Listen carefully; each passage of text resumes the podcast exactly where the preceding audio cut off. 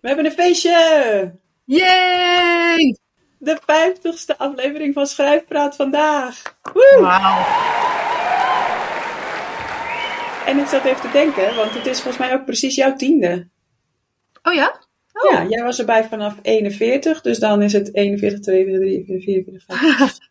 Ja, nou dubbel feest dus. Dubbel feest. En nog bijna nog extra feest, want ik was vanochtend eventjes aan het checken hoeveel mensen er eigenlijk de afgelopen tijd geluisterd hebben. En nu blijkt dat we ook al 250 vaste volgers hebben. Dus ehm, Zo. dat is echt, ja, dat is zo leuk om te zien. Want ik weet nog dat eh, vorig jaar, eind, eind vorig jaar, tegen, zeiden Stefanie en ik tegen elkaar, nou, als we er nou binnenkort 100 hebben, dan, eh, dan gaan we, hè, dan hebben we, dat is wel een, echt een mooi getal. En nu hebben we er gewoon anderhalf keer zoveel. Ja. Ja, en we bestaan 50 jaar. Hoe tof? Nou, 50 jaar? Wat zeg je? Dit gaan we er even uitknippen. Nee, dit moet je ook laten staan. En we bestaan 50 afleveringen. Ik Ja. besta zelf nog niet eens 50 jaar. Nee, maar ik denk dat je, dat je wel inmiddels kunt concluderen dat na 50 afleveringen en 250 volgers, dat, eh, dat, je, ja, dat je toch wel iets bereikt hebt en dat het toch wel iets waard is. Dat we toch wel eh, iets doen wat, wat gewaardeerd wordt. Ja, Toch? en dat is Ja. natuurlijk gewoon superleuk. En dat we er zelf ook gewoon heel veel plezier in hebben. Want anders maak je natuurlijk geen 50 afleveringen. Nee, inderdaad. Ik zeg champagne.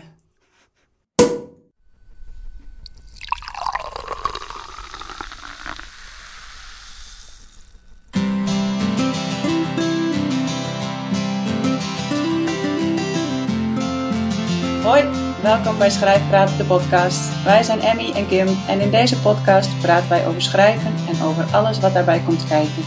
We spreken boeiende gasten, behandelen interessante onderwerpen en we drinken thee en koffie.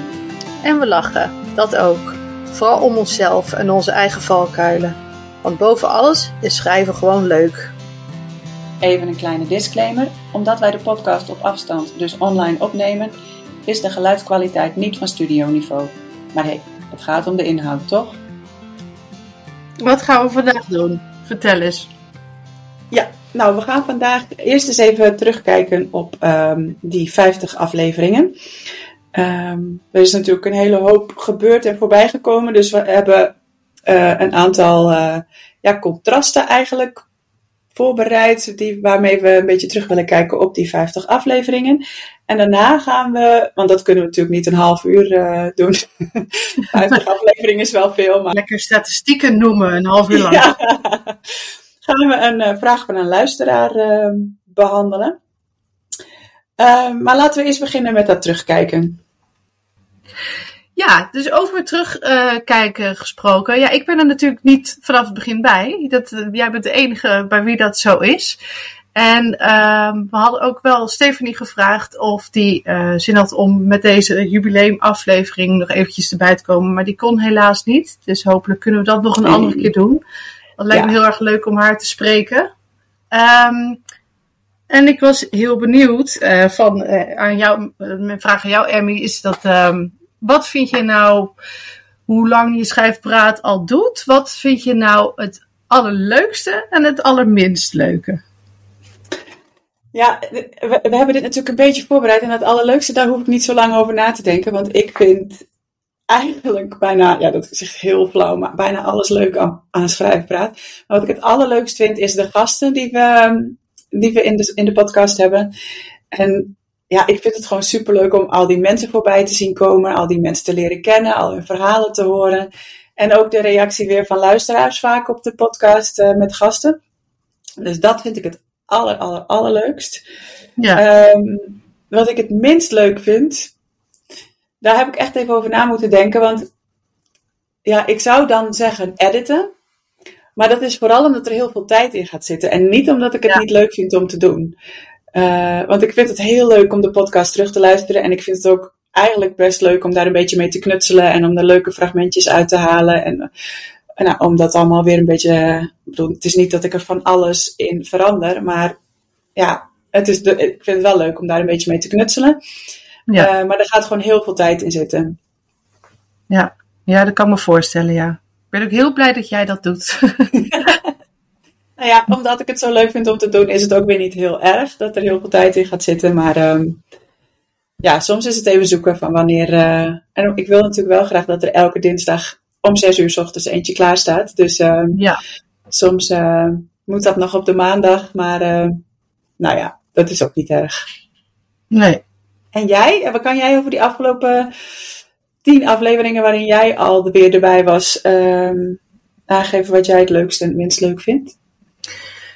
Ja, het, het allebei een moeilijke vraag, omdat inderdaad heel veel dingen leuk zijn en eh, weinig dingen niet leuk. Anders zou ik het ook niet doen. Maar eh, wat ik in ieder geval heel leuk vind, is dat ik. ehm, ja, ik, ik was van tevoren best wel zenuwachtig over zijn opname. En ik ben niet zo heel goed in voordragen, maar daar gaan we het ook nog wel een keer over hebben.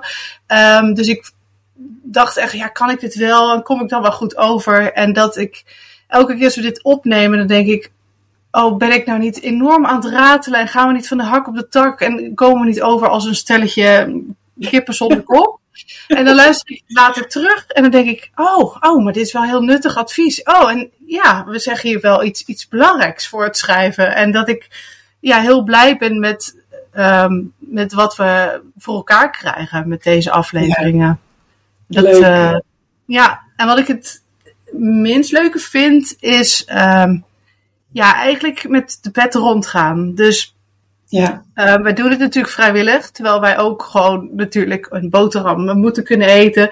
Dus we doen het vrijwillig en met heel veel plezier, maar er zitten wel ook kosten aan verbonden. En eh, Ja. zoals voor de opneemprogramma of het editprogramma en allemaal dat soort dingen.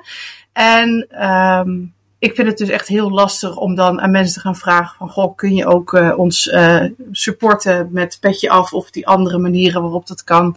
Omdat Ja. het dan toch voelt als bedelen of zo, ik weet het niet. ja, ja, heel herkenbaar ook wel inderdaad. Wat grappig is, is ehm, dat ik, wij hebben het erover gehad, hè, want ja, moeten we, daar, moeten we dat nou mee doorgaan, omdat het eigenlijk niet zo chill voelt. Maar ja, er zijn inderdaad wel kosten aan verbonden en ehm, er hebben ook echt wel mensen gedoneerd. En het leuke is dat er van de week ineens weer ehm, een donatie binnenkwam. En Oh. eh, van Sylvia. En eh, wij kennen Sylvia allebei niet persoonlijk. Dus dat, dat vind ik dan ook altijd heel erg leuk. Dat, ja, in het begin was het mijn moeder en, eh, en, weet je wel, en mensen die me echt al heel lang volgen. Of, nou ja, super lief. En ehm, ja, het is ook leuk om te merken dat er dus mensen die we verder niet kennen dan ook ons willen helpen en hun steentje willen bijdragen aan, eh aan Ja, schrijven. zeker. Maar Ja. het blijft lastig om, eh, om erom te vragen of zo, ja. Ja, dat vind ik dus ook, ja. Ja, hey, en we hadden nog wat meer ehm, contrasten, want ik heb ook even uitgezocht, want daar was jij benieuwd naar, van wat dan eh, de kortste en de langste aflevering zijn bijvoorbeeld. Oh ja. Ehm, nou, de, de kortste aflevering is eh, uit het vorig seizoen, eh, aflevering 21, over de briefroman. Oh, Die ja. duurt maar eh 15 minuten en 59 seconden. Dat is echt de aller, aller, aller, allerkortste podcast van al die 50.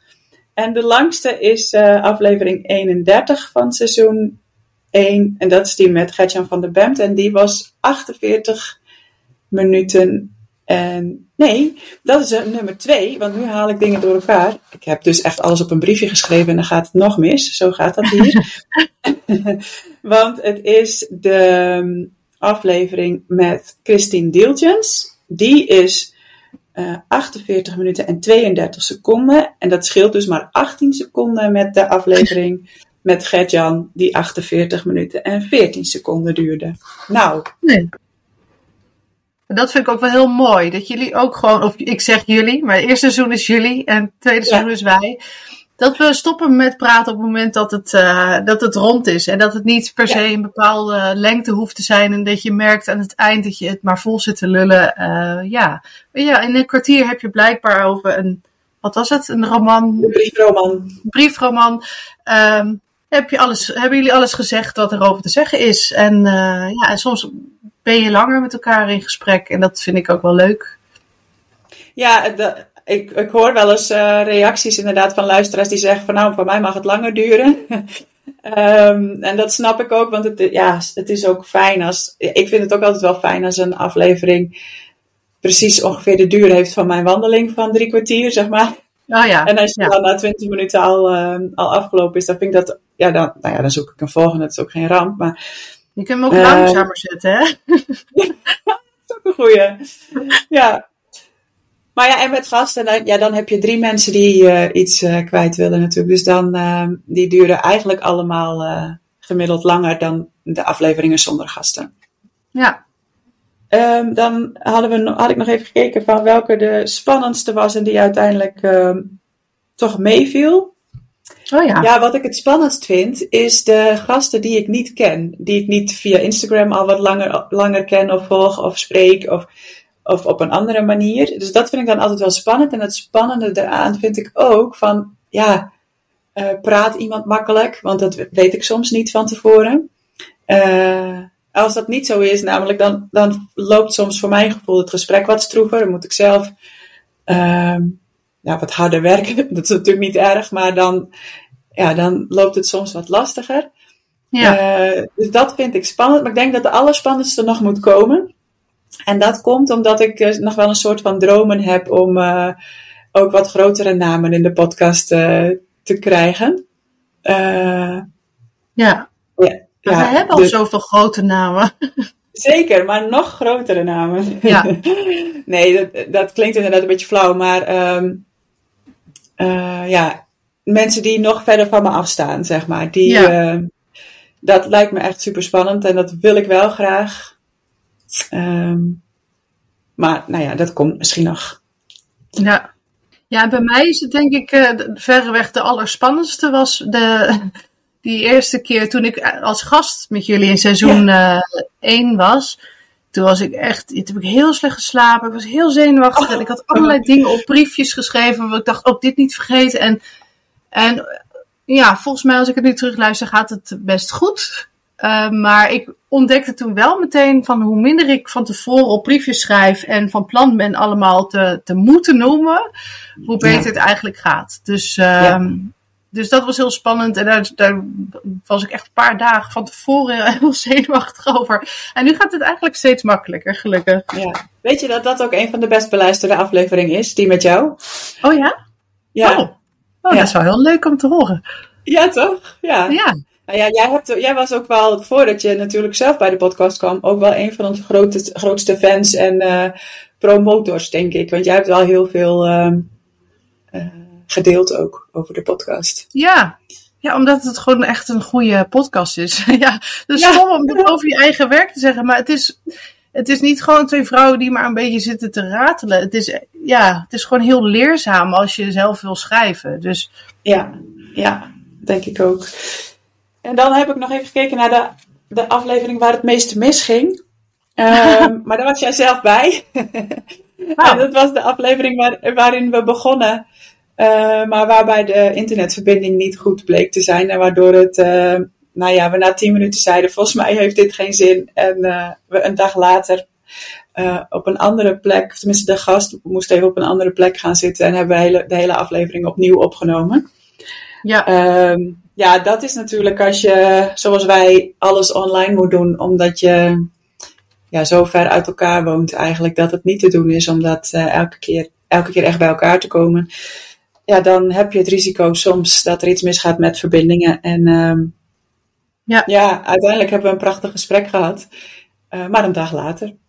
Ja, maar je wil niet zeggen welke dat is. Oh ja, dat maakt niet uit hoor. Dat, is, uh, dat was die met Mandy van ja. uh, meer van punt komma. Ja, en, gelukkig was het zat... zo'n fijn gesprek dat we het ook helemaal niet. Het voelde niet als van, oh, nu moeten we hetzelfde verhaaltje opnieuw. Het werd gewoon een, hetzelfde nee. even leuk gesprek, gelukkig. Ja. Ja, klopt. En ik denk ook, ik moest ook later denken, want zij zit natuurlijk in zo'n oud, heel oud pand. Ja. Uh, was het ook niet een deel van de oude gevangenis? Nou moet ik even ik weet het niet meer helemaal zeker, dacht ja. het wel. Het zullen ook hele dikke muren zijn, dus dat, dat zal ook wel uh, wat effect hebben op de verbinding misschien. Maar de volgende ja. dag is ze thuis uh, gaan zitten en toen was het, uh, was het helemaal prima. Dus ja, ik denk als dat de aflevering is waar het meest misging, dan mogen we niet klagen. nee, klopt. Ja. Ja, en ook over de dingen die misgaan. Ja, wat, wat, ik, wat we altijd tegen elkaar zeggen. Weet je, het is echt niet erg dat we een keer over onze woorden struikelen. Of elkaar verkeerd begrijpen of door elkaar heen praten. Want uh, dat is ook hoe gesprekken in het echt ook gaan. Dus het hoeft allemaal niet heel erg strak eh, getrokken. Uh, toch? Ja. Nee, nee, dat vind ik ook hoor. Het, we hebben natuurlijk altijd gezegd. Uh, hè, van schuif bij ons aan de keukentafel. Ja, daar ga je ook niet alle uurtjes en, um, en verhaspelingen, of hoe je dat ook zegt, uithalen. Dus nee hoor. En ik denk, wat ik er ook van terug hoor, is dat mensen dat ook wel de charme van de podcast vinden. Dus dat blijven we ja, mooi doen. We blijven lekker spotten ja. en, en foutjes ja. maken. Alright, zullen we over naar de vraag van de luisteraar? Ja, is goed. Oké, dit is een vraag van um, Jochen. En Jochen heet op Instagram Jochen met de N van na, na, na, na, na. Um, en hij uh, vroeg van wat heeft jullie eigenlijk geïnspireerd om te gaan schrijven? En kunnen jullie een stukje voordragen uit eigen werk? Nou, Oeh. dat gaan we straks doen. Maar eerst, wat heeft jou geïnspireerd om te gaan schrijven, Kim? Ja, daar moest ik best wel lang over nadenken. Ik denk, want ik denk dat dat gewoon ergens al in je zit en uh, dat je daar al mee bezig bent voordat je nadenkt over waarom je iets doet. Maar ik heb toch twee antwoorden gevonden. Um, namelijk dat ik taal en, en woorden altijd al heel magisch heb gevonden. Want ik, ik kom uit de journalistiek oorspronkelijk en daar kreeg je op die opleiding kreeg je heel erg te horen van het moet allemaal zo neutraal mogelijk. Je moet zo objectief mogelijk uh, schrijven. En dat, dat, ik kon daar niks mee, omdat ik dacht, maar geen enkel woord is objectief. Zelfs als je zegt uh, een, een, nieuwsberichtje van de man, uh, of, of er is een man het water ingereden op dinsdag, op die en die plek dan denk ik, dan is zelfs de woordkeus daarin al je eigen keuze. En wat je niet zegt, is nog meer, is, is ook, ook subjectief. Dus het is, zelfs als je het zo neutraal mogelijk probeert te zeggen, hoor je de stem van de, degene die de woorden geeft. En zo heb ik altijd al gespeeld met woorden, dubbele betekenissen. Of uh, ik zet een bepaalde zin, maar die kun je op meerdere manieren opvatten. En dat je dus eigenlijk ja, je kunt, ik noem het dan magie, maar je zou het bijna manipulatie kunnen noemen van, van de lezer. dat je iets in, met een paar woorden, iets in iemands hoofd losmaakt. En dat is bij iedereen wat anders. En dat vind ik echt een soort ja, super intrigerende magie waar ik de rest van mijn leven mee bezig zal zijn. En mijn andere antwoord is, ik ben uh, vooral mijn roman en de romans waar ik nu mee bezig ben gaan schrijven, omdat ik gewoon niet het boek kon vinden dat ik zelf wilde lezen. Dus hmm. um, ja, er zijn natuurlijk heel veel boeken op de wereld, maar wat ik niet kon vinden was een, ja, wel een literair boek, dus wel een roman, maar dan niet heel hoogdravend. En dus het gaat wel degelijk om de ontwikkeling van, die de hoofdpersoon doormaakt, uh, maar dan wel zo verteld dat, dat iedereen het begrijpt. Dat het niet voelt als huiswerk om het te lezen. En dat het echt een soort avonturenboek is waarin je helemaal meegaat met de hoofdpersoon. Uh, zonder dat je hard hoeft te werken. En dat ben ik maar gewoon gaan schrijven toen. Dat is goede, goede motivatie, denk ik, toch? Ja. Ja. Ja. Ja, leuk. Ik vind het wel um, mooi wat je zegt. Want ik, laatst had ik nog zo een post op Instagram van de magie van groep 3. En dat is een beetje anders, maar ook een beetje hetzelfde. Omdat je daar in groep 3 leren kinderen natuurlijk de letters. Ja. En Ehm, dan zie je ook hoe magisch dat ook al voor kinderen is. Dat ze dan ineens van al die letters een woord kunnen maken en dat dat woord dan ook iets betekent en dat ze dan overal ineens letters en woorden zien die ze ineens allemaal herkennen en kunnen lezen. Ja. En ja, dat is eigenlijk uh, de kinderversie van wat jij zegt, zeg maar. Jij zegt eigenlijk de, de, de volwassen versie van, van die magie. Ja, en, vooral dus uh, ook wat je niet zegt. Dus als je een, ja. een, situatie vertelt en wat je er niet over zegt, dat zegt bijna nog meer dan wat je wel zegt. En ja, ja ik, vind dat, ik vind dat super intrigerend. Ja, plus dat ook nog degene die het leest, het nooit objectief leest. Uh, ja. En er nog weer misschien hele andere dingen aan verbindt dan aan de, aan de woorden die jij hebt gekozen en de, en de dingen die jij daaraan verbonden hebt. Ja, absoluut. Maar ik ben nu eigenlijk wel erg nieuwsgierig naar uh, jouw avonturenverhaal. en nu klinkt het net alsof het over zeerovers gaat. Maar uh, nou ja, het, ja, het gaat, de zee komt er zeker wel in voor.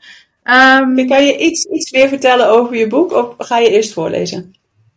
Nee, ik zal er even iets over vertellen. Wat ik altijd het vrij moeilijk vind. ehm, maar ja, in het kort, zonder ook weer te veel te verklappen. Want het ligt Ja. wel ergens in een proces waar ik dan nog niks over kan zeggen. Je kent het wel.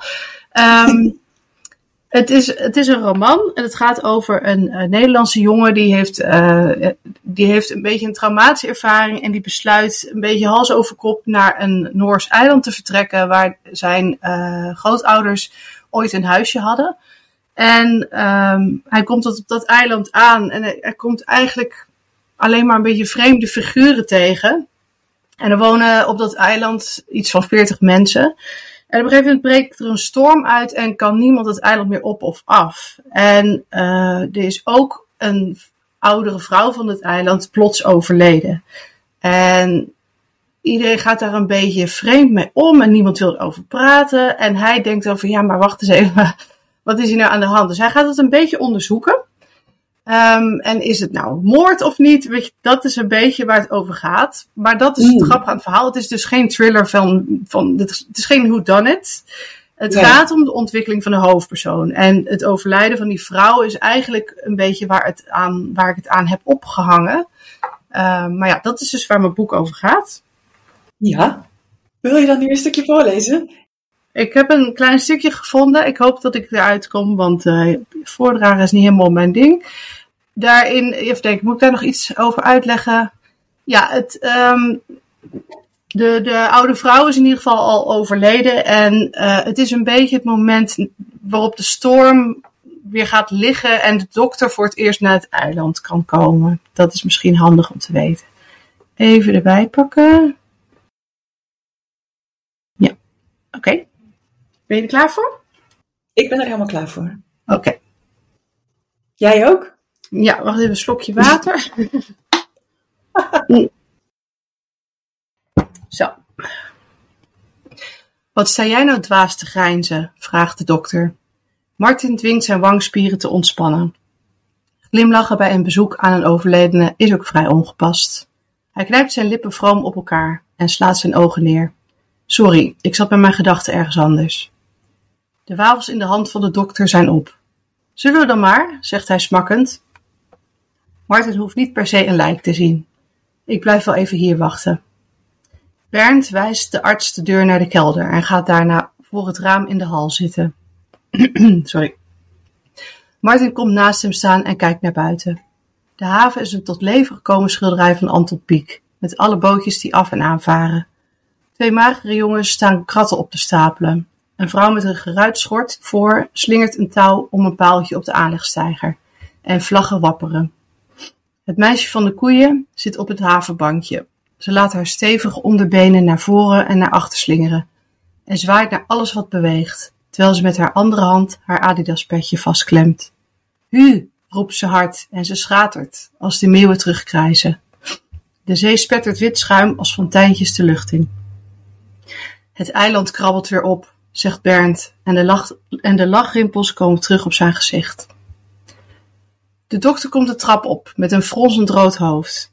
Had iemand me niet even kunnen helpen? Blijkbaar lag ze op haar buik, dus ik moest haar omdraaien.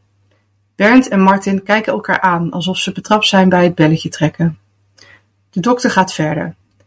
Hartstilstand, maar dat wisten jullie al. Vrijdag doen we de begrafenis. Pas dan kan de uitvaartverzorger komen. Die lijkenzak houdt nog wel een tijdje, maar het gaat snel warmer worden. Voordeel dat er geen muizen leven op dit eiland. Martin doet alsof hij zijn nagels bestudeert. Verder geen opmerkelijkheden? Kenmerken van iets slechts gegeten of een vechtpartij of zo? Als hij opkijkt, ziet hij één verbaasde en één geïrriteerde blik. De verwondingen van de val van het balkon zijn postmortem. Haar hartslag was al gestopt voordat ze eraf viel. Een natuurlijke dood dus, zoals ik al zei.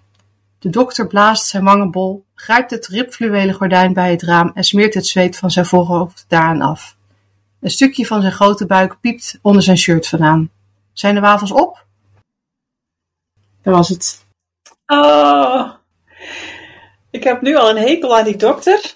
Ja, goed hè? Wat een vervelende man. En ik vind dat beeld van dat meisje van de koeien op het bankje echt geniaal. Ik moest er echt gewoon meteen al om lachen. Ja, Oh. mooi. Ik zie het wel voor me, ja.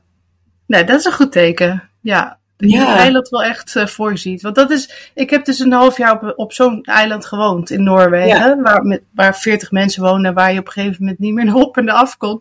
En daar heb ik ook het grootste deel van deze roman geschreven. Dus ik heb, ben heel blij dat ik dat heb gedaan. Want ik had dit verhaal wel in mijn hoofd zitten. Maar ik had nooit al die beelden op deze manier kunnen opschrijven. Als ik het niet ook heel veel gezien had daar. Dus Nee, nee, precies. Leuk, mooi. Ja, ik vind het wel, want we hebben het natuurlijk al best wel vaak, ook buiten de podcast, over jouw boek gehad. Eh, Ja.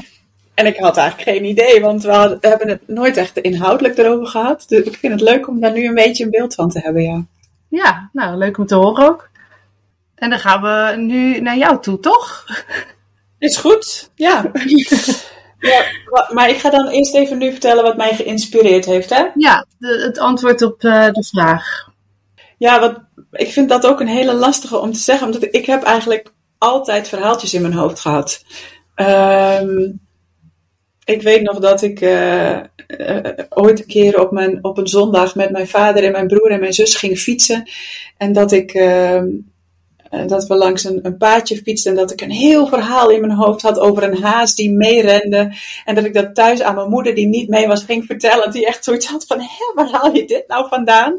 En ik, Ja. ik weet helemaal niet meer hoe dat verhaal verder ging, maar ik zie me nog fietsen. Eh, en later, als ik ging, ik woonde in een heel klein dorpje en de, de oudere meiden pasten daar eigenlijk standaard op de jongere kinderen van andere dorpsbewoners.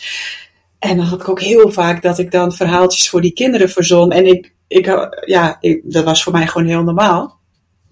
Ja, Eh, maar ik heb daar eigenlijk nooit echt iets mee gedaan. Wel, dat, ik weet nog wel dat ik op de middelbare school voor een Nederlands ook af en toe een verhaaltje mocht schrijven. Dat ik daar altijd wel heel blij mee was, als dat mocht. Ehm, en dat daar ook altijd wel positief op gereageerd werd. Maar ja, verder heb ik eigenlijk nooit echt iets met schrijven gedaan. Ehm, tot ik, eh, ik denk, hoe lang is het geleden? In 2008 in Londen was. Eh, een weekend. En toen gingen we ook allemaal eh, van die historische plekken bezoeken. Ja, en daar druipt de geschiedenis van de muren ongeveer. Ehm, we hadden ook iemand die, die van alles erover vertelde. En daar ging mijn, ja, mijn hoofd ging aan en is niet meer gestopt eigenlijk. En, ik, en daar is eigenlijk het verhaal van Janne ontstaan. Alleen was Janne toen een Londense jonge dame en geen Groningse jonge dame. oh ja. Maar toen is wel het idee ontstaan om, om eens iets te schrijven over een eh, jonge vrouw die opgroeit in armoede en denkt, ja, eh, dit is niet mijn leven, dit is niet hoe ik mijn toekomst voor mij zie, dit wil ik niet. Eh, ik ga mijn uiterste best doen om van een dubbeltje toch een kwartje te worden, om dat cliché er maar even in te gooien. Ja. Ehm, ik ben toen ook wel, volgens mij is begonnen. Ik heb zelfs eens een schrijfcursus van de NTI of zo besteld. Ik weet niet meer van welke online school dat was, maar het was echt waardeloos. Dus ik zal, eh, dat kan ook iets anders zijn geweest dan de NTI, laat ik daar even heel duidelijk over zijn. Ehm, maar eh, nou ja, daar kon ik eigenlijk niks mee. Dus toen heb ik het ook weer laten liggen. Tot ik in 2000 een, eh, 2020 een schrijftraining ging doen. Met een heel ander doel eigenlijk. Maar toen kwam ineens dit idee weer naar boven. En ja, ik ben gaan schrijven en ik ben niet meer gestopt. Eigenlijk. Met Janne. mooi. En Ja. dat vind ik dus ook zo, zo een deel van die magie van schrijven. Want ik hoor jou dat ook zeggen. Dat eigenlijk alles kan. Weet je, ik, ik, dit verhaal Ja. voor mij op dat eiland, dat had ik al heel lang in mijn hoofd. Maar wat een beetje ontbrak, was het element van dit moet een soort afgesloten eh, groep mensen zijn die het met elkaar moeten zien oplossen. En toen zei, eh, toen gingen we dus naar zo'n eiland. En toen zei mijn toenmalige vriend, waarom pak je het verhaal op en zet je het op het eiland? En zo heb jij, Ja. als ik het goed begrijp, ook eh, Janne, die was een, eh, een, een vrouw in Engeland, gewoon bedacht, ja. Ja. maar ik heb meer met Groningen, dus ik zet er in Groningen, zoiets toch? Ja, het leek me voor de research wel heel leuk hoor, om Londen te doen. Ik dacht, dan heb ik een goede reden om daar naartoe toe te gaan. Maar het is natuurlijk Ja. praktisch wel wat eh, onhandiger. En ik, ik ben in... Ik woonde toen net in Groningen in 2008, dus toen wist ik er eigenlijk nog niet zo heel veel van. Maar ik ben ja, de afgelopen nou ja, 15 jaar ook gaan zien hoe super interessant deze stad is en hoeveel geschiedenis hier ook ligt. En ik dacht, het is ook eigenlijk gewoon zonde om, dat, om dan Londen te nemen, terwijl Groningen ook zo'n mooi verhaal heeft. Um, ja, dus, en die macht heb je dus gewoon. Om het dan op, ik til het op, ik zet het hier neer en ik ga gewoon verder hoe ik het leuk vind. En dat vind ik, ja, dat vind ik echt prachtig. Ja, dat is heerlijk. Dat is het allerlekkerst van schrijven. En dat vind ik ook het allerlekkerst van de eerste fase van schrijven. Dat je het gewoon allemaal mag verzinnen. Ja. En dat je dan gewoon alles kan doen wat je wil. Ja. Ja. Nou ja, dus ik ben heel erg benieuwd. Misschien wil jij dan ook wel een stukje voorlezen. Zeker. Ik pak het er ook even bij. En wil je nog vooraf iets uh, erover ja, zeggen? Ik zal nog even zeggen. Het is um, redelijk in het begin van, van het verhaal. Uh, Janne is dus um, nou ja, eigenlijk een meisje nog. Uh, als ze besluit dat ze niet net als al haar, de vrouwen om haar heen in armoede haar leven verder wil leven. Alleen zij, zij leeft wel in armoede. Um, en in dit stukje zie je eigenlijk een soort van de de worsteling waar ze de rest van haar leven ook steeds tegenaan loopt. Um, nou ja, laat ik het voorlezen, dan kan ik daarna wel even zeggen wat ik daar precies mee bedoel. Ja. Oké. Daar heb je de koningin van de violetsteeg. De woorden van haar buurmeisjes druipen van sarcasme als Janne langsloopt. Ach, houd toch je mond, snauwt ze terug. Ze weet al lang dat zij de enige is hier die droomt van een ander leven. Maar begrijpen doet ze het niet. Waarom vinden andere meisjes het prima om hun leven lang geld en eten bij elkaar te moeten schrapen, om te wonen in oude, tochtige krotten en elk jaar een kind op de wereld te zetten? Waarom leggen ze zich neer bij het vooruitzicht afhankelijk te zijn van hun echtgenoot en elke vrijdag te moeten afwachten wat er nog in het loonzakje zit nadat hun mannen zich in het café een stuk in de kraag hebben gezopen? Kom toch eens uit je, met je hoofd uit de wolken. Ze zien je aankomen op de universiteit met je mooie kleren. Met haar neus omhoog en haar rug recht loopt Janne langs de meisjes. Hoe weten die rotmeiden nou weer dat zij naar de universiteit wil? Ze strijkt haar eenvoudige jak en rok nog maar eens glad. Ze hoeft zich nergens voor te schamen, wat ze draagt is schoon en netjes. Daar zorgt ze wel voor. Wacht maar tot je straks getrouwd bent. Je man zal je wel een toontje lager laten zingen. Zonder nog om te kijken loopt Janne de straat uit. Ik spreek jullie over een paar jaar nog wel eens, mompelt ze in zichzelf. Als ze de hoek om is, zet Janne er stevig de pas in. De boodschappenmand aan haar arm botst bij elke stap tegen haar heup. Normaal kijkt ze onderweg graag naar de ambachtslieden die in hun werkplaats bezig zijn, maar vandaag loopt ze door. Onlangs hoorde ze op de markt een gesprek tussen twee dienstmeisjes. Het ene meisje vertelde aan het andere dat er vorig jaar een vrouw is toegelaten tot de universiteit. En die vrouw is zeventien, maar twee jaar ouder dan Janne is.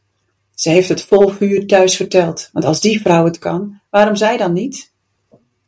Haar enthousiasme werd niet gedeeld. Vader zuchtte diep en schudde zijn hoofd. Meisje, haal je toch niet zulke dingen in je hoofd? Dat is voor ons soort mensen niet weggelegd. Moeder zei niks, maar Janne zag dat er een geïrriteerde blik over haar gezicht gleed.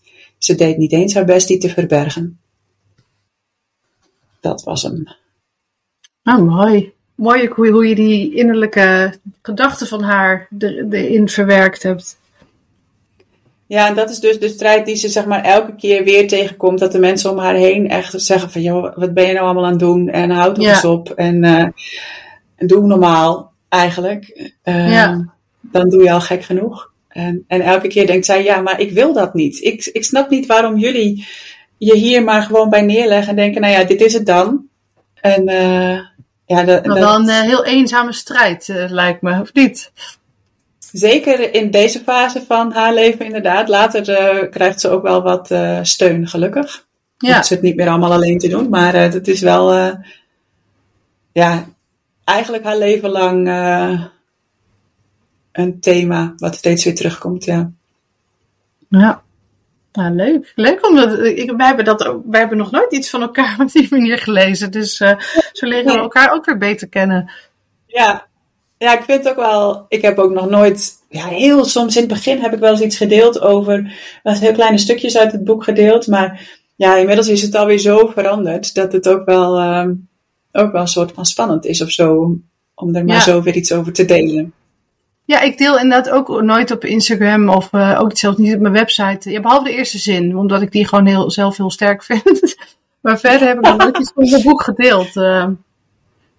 Nee, ja, wel een beetje in grote lijnen waar het dan over gaat en zo, maar niet echt ja. um, stukjes eruit, zeg maar.